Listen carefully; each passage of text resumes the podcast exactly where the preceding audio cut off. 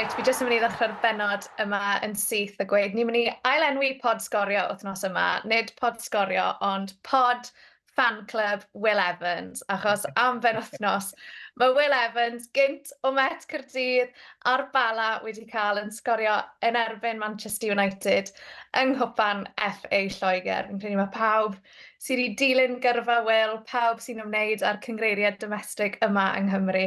I ni gyd, jyst mor, mor chyfft dros y fe. Felly croeso mawr i'r pod. Mi fan gwylau'n fel arfer yn cadw cwmni i fi. A mae Mr Owain Tudor Jones gyda ni wythnos yma. Owain, Ti ar y pod achos i ni'n mynd i fod yn trafod gêm y Seintiau Newydd yn erbyn Falkirk sy'n digwydd penwthnos yma, ond yn gyntaf boes, i ni'n mynd i ddechrau gyda cwpan effau Lloegr ac Owain, Mr Will Evans, just am stori ac am gol, am noson gathe, am gêm gath e yn erbyn Manchester United.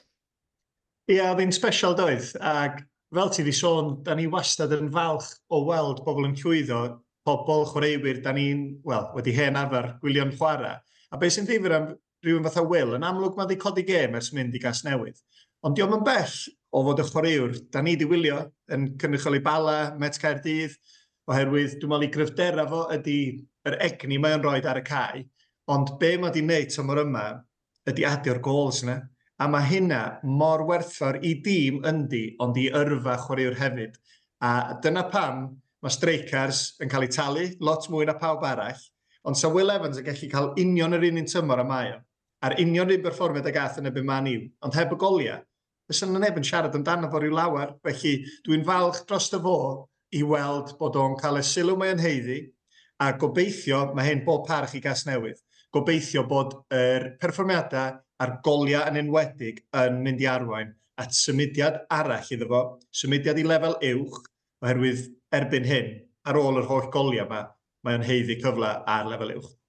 Ie, yeah, mae hwnna'n bwynt rili really da, achos Ifan, welon ni fe pan oedd e'n ware i Gymru C, a mae gemau Cymru C wastad yn cael ei gweld fel cyfle i syrenu, ni'n gwybod mae'n yna lot o scouts a phopeth yn mynd i'r gemau yna, sa'n gweud o'r gêm yna, oedd y reswm ath e i gas newydd, ond nath y gêm yna yn sicr roi e ar y map.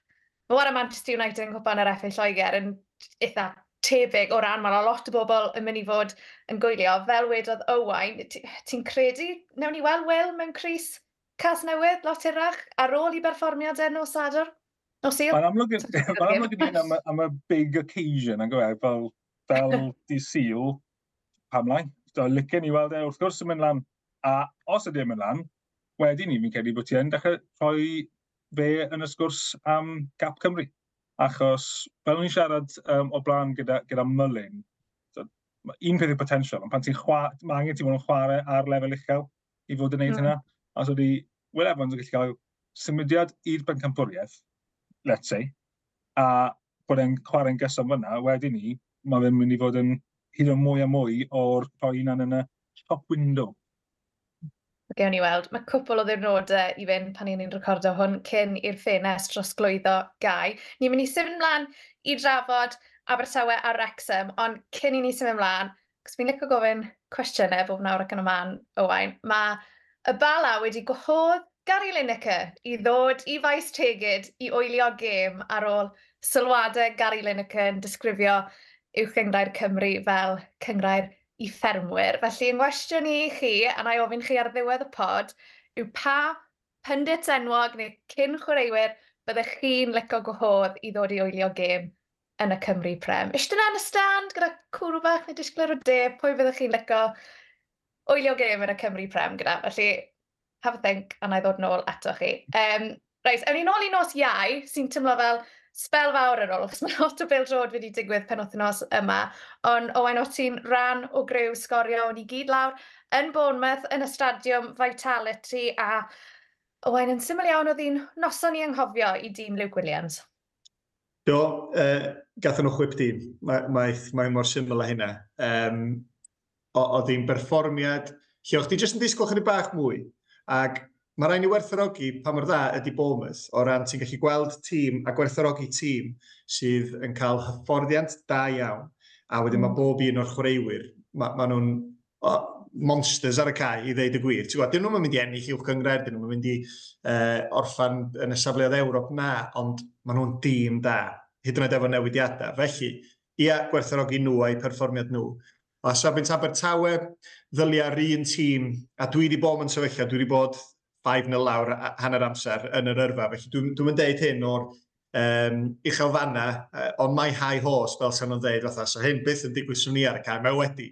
Ond, fel chwaraewr proffesiynol, ddylia un tîm fod ar ei holi o 5 gol i ddim. A dwi'n golygu, os oes yna dîm League 2 yn chwarae nebyn Bournemouth, ti'n gwybod, mae ychydig bach o embaras. Felly, o safbwynt hynna, siomedig, um, Luke Williams, mae gen fo waith i wneud, mae gen nhw rediad anodd o gemau ddod, mae nhw'n chwarae Celir, a ar ôl Southampton a Bournemouth, maen chwarae Celir, Leeds, Ipswich, felly cyfnod anodd i ddyfodd o'r rheolwr newydd, ond dwi dal i ddeud, mae'r penodydd Michael Duff yma, dyna sydd wedi arwain at hyn, oherwydd mae, mae penodi Michael Duff a cael o yn y clwb am chydig fisoedd, di mynd ar tîm yn ôl dros dwy flynedd, wir y rwan. Felly mae Luke Williams, mae gen o waith i wneud, mae angen dod â chwaraewyr newydd i fewn sydd yn siwtio'i ffordd o chwarae ac yn amffodus i gefnogwyr Abertawe, rhwystredig iawn, ond ail ddechrau ydy'r broses unwaith eto. Mae'n mynd i gymryd amser, ond fydden nhw'n iawn, dwi'n siŵr. Ie, yeah, fi'n credu yn y gyd nath nos iau atgoffa ni o mae'n lot fawr o waith i wneud yn Abertawe, i dynod cyn i nhw ddechrau meddwl am ddyrchafiad, am fynd nôl i'r uwch gengrair. Um, cyn i ni symud mlaen, Owain, Mae David Brooks, sa'n credu bod wedi cael ei gadarnhau eto, ond mae'r adroddiadau cryf iawn yn gweud bod e'n mynd i fynd i Southampton ar fenthyg am weddill y tymor i ni gyd yn gyfarwydd â David Brooks. O, ein i ti'n gyfarwydd iawn gyda reolwr Southampton, Russell Martin. Ti'n credu bod hwnna'n symudiad da i David Brooks? O, oh, symudiad da iawn. I'r clwb Southampton ag i David Brooks. Da ni'n ni, ni sbio arno fo fel chwaraewr ac yn ei wylio fo noson o blaen yn amlwg mae o'n chwaraewr sydd ddigon da i chwarae yn yr uwch gyngrair, yn gyson. Mae'r ma, talent yna, mae o'n special.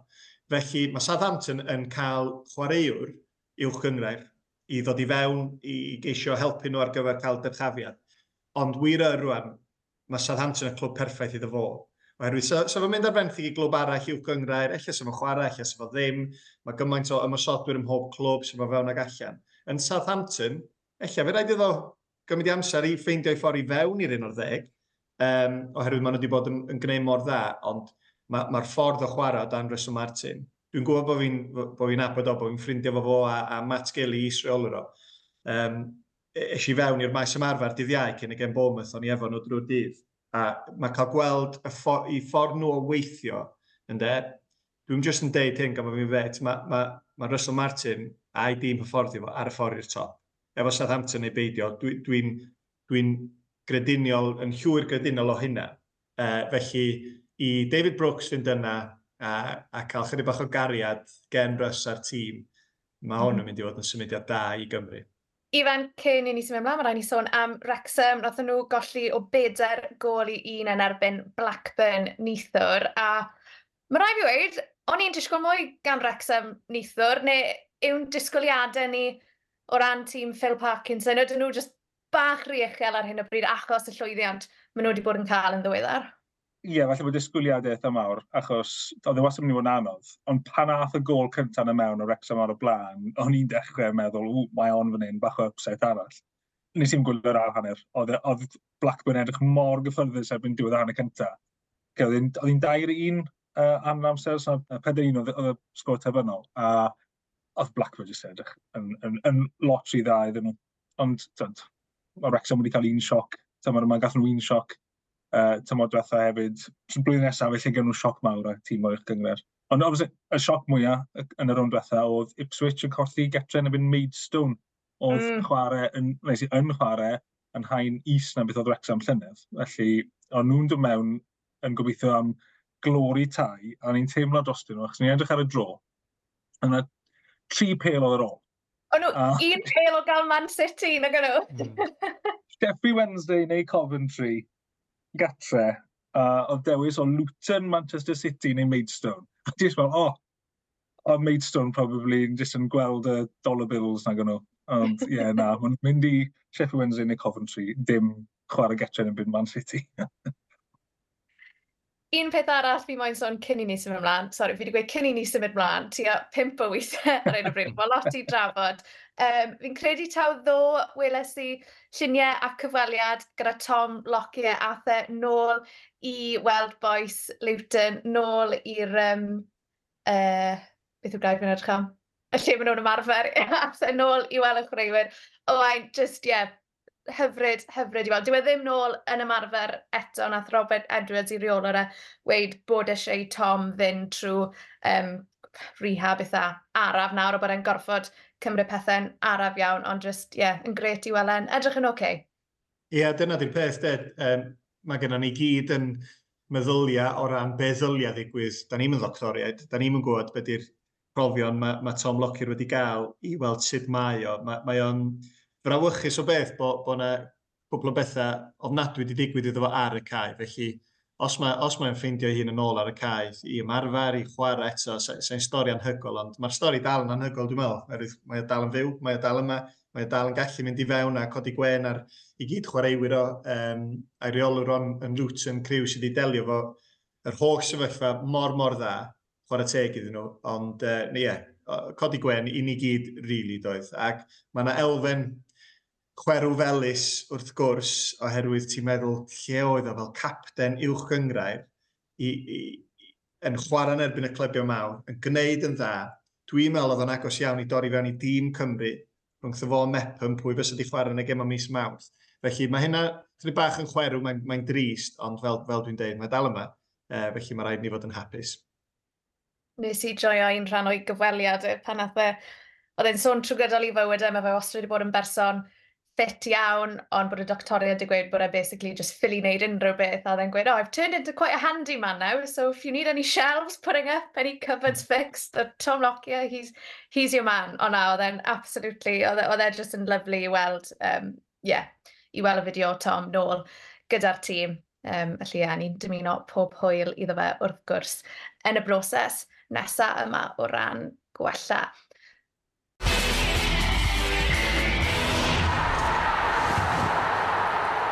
Reit, ni'n mynd mas o Gymru ar gyfer y rhan nesaf yma o'r pod, achos pen wythnos yma mae'r seintiau newydd yn trefili lan i Falkirk yn yr Alban, yng Nghwpan Her yr Alban. Owain, nes ti orffen dyrfa? Yn Falkirk, fi sy'n mynd lan ne. Fi'n credu dim ond fi a dyn camera sy'n mynd lan, felly bydd pen wythnos dy fi yn Falkirk, pa fath o glwb, pa fath o le yw e? Uh, Falkirk, clwb da, mae, mae o'n un o'r clybiau yma, os allai ddisgrifio, pan ti'n troi fyny'r cae, neu di, neu di sylwi beth dwi'n cyfeirio at, mae nhw'n glwb sydd wedi symud chydig bach allan o'r dre, a di adeiladu stadiwm chydig bach fwy modern, lle mae'r gymuned yn gallu defnyddio'r cae ac yr cyfleusterau. Ond dwi'n dwi meddwl drwy wneud hynna, maen nhw wedi colli chydig bach o'r hen ysbryd o ran awyrgylch oedd gan nhw gau hen ffasiwn. Ti'n gwybod, un o hynna lle sy'r awyrgylch yn special Heblaw am hynna, maen nhw jyst yn glwb neis. Nes, nes i fwynhau uh, chydig fisoedd yna. Um, Ges i'n anafola. Pimp gem nes i chwarae Falkirk. Ac o'n i, o'n i wedi gorffen cyn o'r wythos. Dwi'n bod yn hollol onest. Legs have got, his legs have gone. Dyna di'r term ti'n gweld yn aml. Oedd hwnna mor wir i fi. Ond ti'n gwybod, o'n i'n clingio, clinging on jyst i gael cytundeb arall, ac o'n i wedi deud ar ôl cael y pumed llawdrinaeth ar ymhenglin yn Inverness, reit, os mae ymhenglin i mynd eto, dwi'n mynd i ymddeol.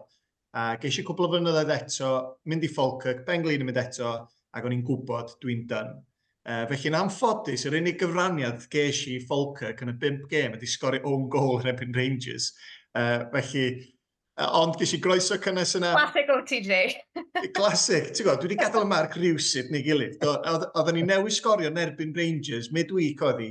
Oedden ni ar y blaen yn gynnar yn y gêm, a wedyn cwbl o funud a wedyn, croeso yn dod i fewn, go, go, gadget leg, y goes hir ma'n stretcho ac fewn â hi. Felly, sori gefnogwyr Falkirk, ond ti'n gwybod be, ges i groeso cynnes yna, uh, Peter Houston oedd y rheolwr ar y pryd. Ac, ie, yeah, clwb da, gyda groeso neis yna, Sioned. E, Mae'n anffodus i weld nhw'n y trydydd hain os licid di League One, ond maen nhw'n gwneud yn gret, oherwydd maen nhw'n glwb sydd yn heiddi bod o leia yn y bencampwriaeth yn yr Alban o'r ansaf.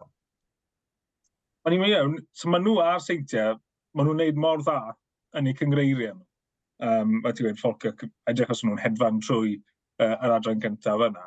Ond sy'n mae cymharu lefelau, ac os ni wastad yn cymharu amlwg lle mae tîmau Cymru'n slotio mewn i pyramid yn, lloi, yn Lloegr, ble bydden nhw'n, ble bydde Seintiau'n ffito mewn yn y pyramid yn, yn yr Alban? Ie, yeah, mae'n mae anodd deud, oherwydd maen nhw wedi cael llwyddiant dros y blynyddoedd diwethaf yn y gystadleuaeth yma, neu bydd bob math o dima. Ond wedyn, jyst syrthio'n fer, swn i'n deud yn amlwg, ta ti'n tynnu'r uwch gyngred yn yr Alban allan ohoni, mae, ma wedyn y 2 neu 3 ucha yn y bencampwriaeth, wastad yn mynd i fod yn eitha cry. Heblaw am hynna, fysa'r Seintiau'n gwneud yn hollol iawn yn y bencampwriaeth, dwi'n meddwl. Felly, ddylia hon fod yn gêm gystadleol. Um, weithio, da ni yn exeitio chyrru bach. Mae fatha, chdi sôn efo'r exam, Sioned, da, da ni'n tueddu ac yn iawn hefyd, da da ni yn exeitio, oherwydd da ni eisiau dychmygu bod yn chwaraewyr am a ni, sa'n gwyddo'n bob gyngred arall. Ond weithio, mae rhaid bod yn realistig a, a ti'n sbio be mae'r seintiau wedi gwneud ydy creu clwb a tîm a'r ffordd o chwarae sydd yn mynd i achosi problemau i lot o glybiau. O ran unigolion, mae John Routledge sydd wedi bod yn un o'r chwaraewyr canol cae mwyaf cyson gorau yn hanes uwch gyngor Cymru. Oedd o'n stryglo chydig bach, nath o'n neud yn iawn yn y bencampwriaeth yn yr Alban, felly mae yna wahaniaeth lefel, ond dwi ffansi'r seintia, os maen nhw'n chwarae gêm nhw, dwi wastad yn ddim upsetio, dwi'n dallt, ond pan maen nhw'n mynd i Ewrop, pan maen nhw'n chwarae gêm hollol wahanol, mor defensif, dyn nhw'n methu cadw'r bel, Um, so well gen i weld y Seintia'n, ti'n gwybod, just fod nhw'n cymryd y risg o chwarae gêm nhw, a dyna ti'n gobeithio gweld yn y gystadleuaeth yma, ac ti'n gwybod be, allan nhw achosi sioc bendant. Ie, yeah, i fi wastad yn tymlad yr seintiau erbyn hyn, fi wedi rhedeg mas o pethau gwahanol i ofyn Craig Harrison, achos ni jyst mor gyfarod yn gweld nhw'n ennill popeth, ond mae waren erbyn Falkirk, fel ni wedi sôn, sy'n cael tymor anhygol. Gollon nhw, o'n nhw arediad arbennig heb golli ers mis Mehefin, ond gollon nhw yn y gwpan cwpl, cwpl o thnosau yn ôl, ond maen nhw'n ddigiro yn y gyngrawill. Mae am mynd i fod yn dipyn o her i'r seintiau newydd o wain, ond ti'n teimlo fel, ti'n kind of moyn iddyn nhw gael her hefyd, achos to, nhw sy'n mynd i ennill i'w gyngrair Cymru, gallu nhw o bosib ennill y cwpanau i gyd yng Nghymru hefyd, ti'n kind of moyn i nhw gael, i nhw gael bach o tough time fan Wyt, a dyna di'r peth, maen nhw'n gwneud mor dda, maen nhw'n rhy dda. Gatho ni hmm. jyst y cyfnod yna lle, be, chydig flynyddoedd yn ôl, es i fi ymddeol o bel droed, o Bangor ni gwthio nhw, chydig bach, wedyn da ni wedi cael Ceicona, uh, yn ennill y gyngred cwbl o weithiau, o dan Andy Morrison, heblaw am hynna, ti'n meddwl, oh, na, ti... da ni'n gwybod o fewn cwbl o fisoedd fewn i'r tymor dydan, rhyw chwech, wyth wythnos i fewn, a ti'n gweld, o oh, na, mae hwn yn mynd i fod yn un o'r tymhor. O, ni off eto. Ie, maen nhw di, maen nhw'n codi'r slws ar Ionar y pedwerydd, a ti'n meddwl, oh, no. Di, di hynna ddim yn gret, mae'n allan ni ddim cuddio'r ffaith yna fel, fel cyngrair gystadleol. Felly, ie, yeah, ti, ti eisiau gweld nhw yn profi hynna yn erbyn tîmau eraill, os di yna'n Ewrop neu, neu yn y gystadleuaeth yma. Um, y broblem ydy, os maen nhw'n neud rhydd anhon, ti'n meddwl, os maen nhw'n ennill y gystadleuaeth, neu clwb o'i werddon yn ennill y gystadleuaeth, So ni'n gweithio i'r Scottish FA, so ni'n dweud, reit, baniwch ein wan. Mae hyn yn embarrassing cyngref ni, felly da, da chi'n cael chwarae dim mwy. Felly mae rhaid nhw wylio e, eich fe rhaid nhw dynnu'r droed oddi ar y sbardin. Chydig bach os maen nhw eisiau chwarae ni blwyddyn nesaf fyd. Ie, yeah, felly Falkirk yn erbyn y seintiau newydd mae'n fyw am hanner awr wedi saith nos Sadwrn syth ar ôl y rygbi Cymru yn erbyn yr Alban, felly mae yna ma dydd sadron llawn o chwaraeon ar Esbrorec. Ie, Um, yeah, fyddai'n mynd lan i Falkirk. Mae gyfadde pan nath Nia, y fenyw hyfryd sy'n gweithio i ni, sy'n trefnu'r holl hotels a fel mae pawb yn cyrraedd y gefau pan nath i e-bost o fi'n gofyn, ti di meddwl am fel i ti moyn cyrraedd Falkirk? O'n i ddim yn hollol siwr yn gwybod ble oedd Falkirk. O'n i'n gwybod e yn yr Alban wrth gwrs, ond ie, um, yeah, jyst gymlaen am drip bach. Felly ie, yeah, cofiwch y gêm yna. Falkirk yn erbyn y Seintiau Newydd yn fyw ar sgorio am hynny'r ar 7 ar S4C nos Sadwn yma.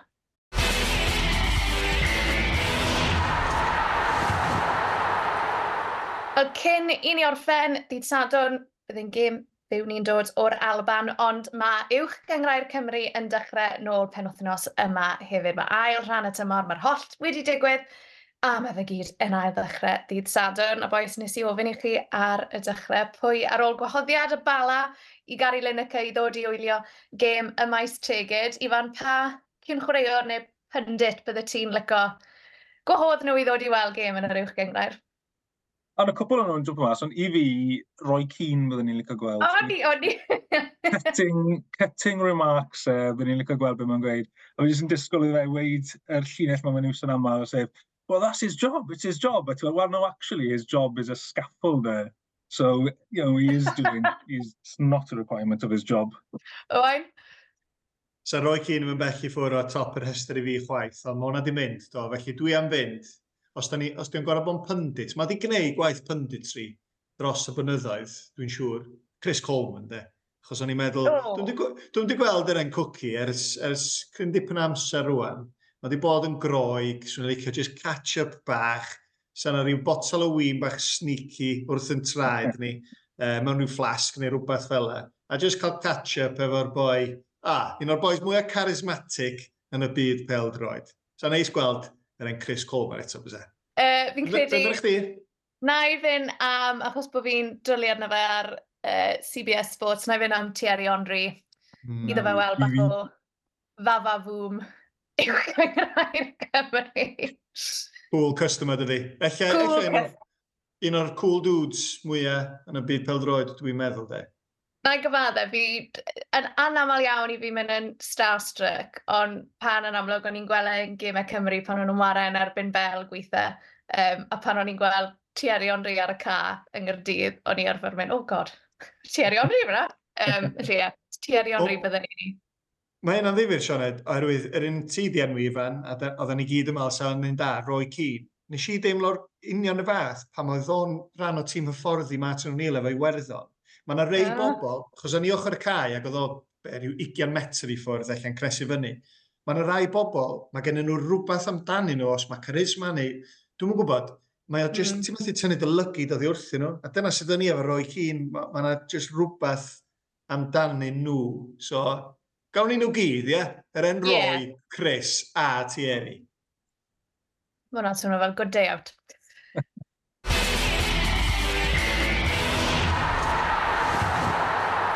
Reit, Ifan, ni'n dechrau, wel ni'n ail dechrau uwch gyngrau'r Cymru penwthnos yma. Beth i ti'n credu yw'r yw gemau sy'n sy dal dalun sylw ni ar y penwthnos, nid y penwthnos ag, wel, penwthnos agoriadol, penwthnos agoriadol ail rhan y tymor, nawn ni weid hwnna. Penwthnos ail ddechrau, falle, ie. Yeah. Yeah. Um, oh, I fi, ti'n goffod edrych lawr ar y chwech isa, mae lot o action yn digwydd fyna am y wythnosau nesaf. Felly, y tri Dyn nhw'n gwynebu gilydd, ond y tri sydd wrth i yn y gwylod, mae Aberystwyth Getrem yn hwlffordd. O, siawns dyn nhw, cael rhywbeth fyna. Bari uh, Getrem yn Pontypridd, felly Pontypridd gyda her fyna fi'n meddwl. A Bai Colwyn Getrem yn mynd pen y bont. A bydd Bai Colwyn yn falch o gael pob gêm getre sydd gyda nhw yn ail rhan y tymor. Right, take them all you can. Ie, yeah, ni wedi sôn, oes, bod ni'n teimlo'n sori iawn dros mileage by Colwyn, am weddill y tymor, achos hwnnw yw'r unig dîm o'r gogledd sy'n yn y chwech isa. Ond ie, fel wedodd Ifan, Owen, ti'n edrych ar y chwech isa yna, mae'r brwydr yna am y seithfed safle rhwng Penabont, a gyda gym, mae fe'n bach o sioc i weld Penabont yn y chwech isa. Penabont, mm. Hwlffordd, y bari o bosib, ond i fi'n bersonol, fi'n credu bydd Hwlffordd a Penabont. Mae hwnna'n mynd i fod yn dipyn o frwydr rhwng nawr a diwedd y tymor rhwng tîm Rhys Griffiths a Tony Pennock. Yndi, Hwlffordd wedi cael blas ohoni a fydden nhw eisiau y gorffan yn seithfed a cyrraedd Ewrop eto.